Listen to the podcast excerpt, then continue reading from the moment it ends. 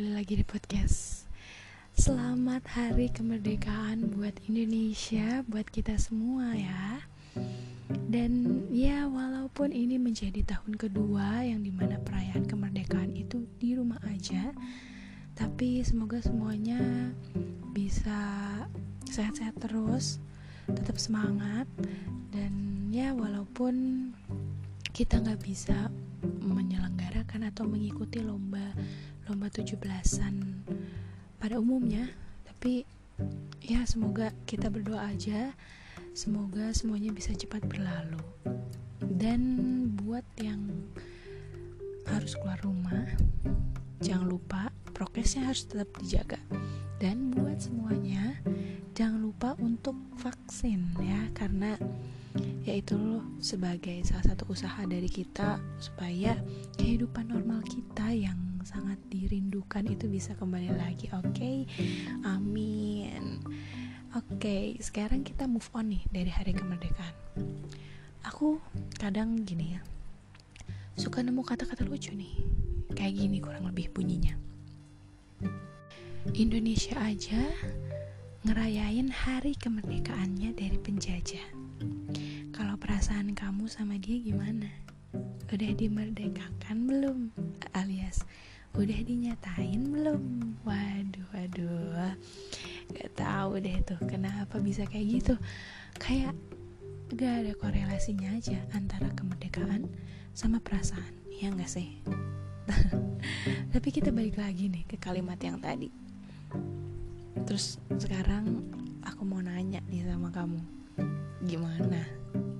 Kok masih aja bertahan Udah jalan berapa tahun suka sama dia diem-diem? Emang gak ada niatan gitu mau make the first move? Gini ya Memang semua pilihan itu punya konsekuensinya masing-masing. Tapi kalau kamu memilih untuk diem aja Konsekuensinya mungkin dia gak akan pernah tahu kalau kamu selama ini memandang dia sebagai seorang perempuan atau seorang laki-laki dan bukanlah memandang dia sebagai sahabat, kakak, adik atau apa pun lah. Terus kemungkinan keduanya kamu akhirnya akan terjebak dalam penyesalan karena terlambat menyatakan. Jadi keduluan gitu sama orang lain. Kurang lebih sih kayak gitu ya. Tapi kalau kamu memilih untuk make the first move atau confess about your feeling sama dia.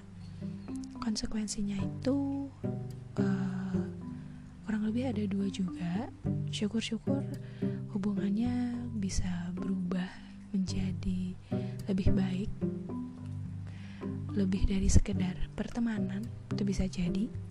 Atau kemungkinan terburuknya itu ya pasti kamu tahu sendirilah tapi bukannya perasaan kecewa atau sakit karena ditolak sama dia itu justru menjadi guru terbaik dalam mengajarkan kita dewasa dan lebih menerima realita bukan?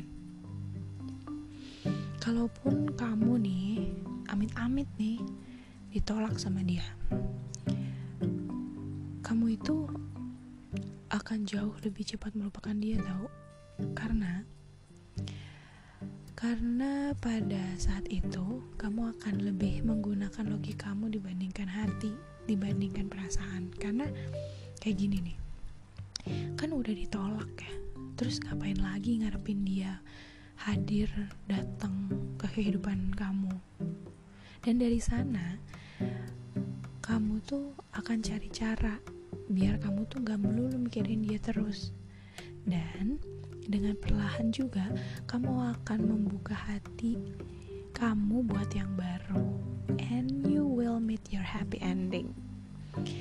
Yang terpenting pada bagian ini adalah trust the process gitu loh. Mungkin susah ya mungkin sedih. Kayak wah gimana? gitu. Galau banget tapi just trust the process you will meet your happy ending very soon. daripada kayak sekarang kayak kamu maju juga enggak mundur enggak mulai kerasakan pegelnya ngarepin dia yang gak peka-peka gemes gitu gini nih kalau kamu tidak mengkomunikasikan suatu hal maka si hal tersebut itu nggak akan pernah jadi berkembang. Gitu. Ngerti kan sampai sini? Satu hal aja yang ingin aku titip sama kamu. Nanti kalau misalnya kamu udah berniat untuk confess about your feeling atau memerdekakan perasaan kamu sama dia kamu harus tahu ujungnya mau ke mana? Jangan digantung. Jangan ngegantungin. Kasihan buat kalian berdua nantinya. Kalau udah yakin sok mangga ngomong sama dia.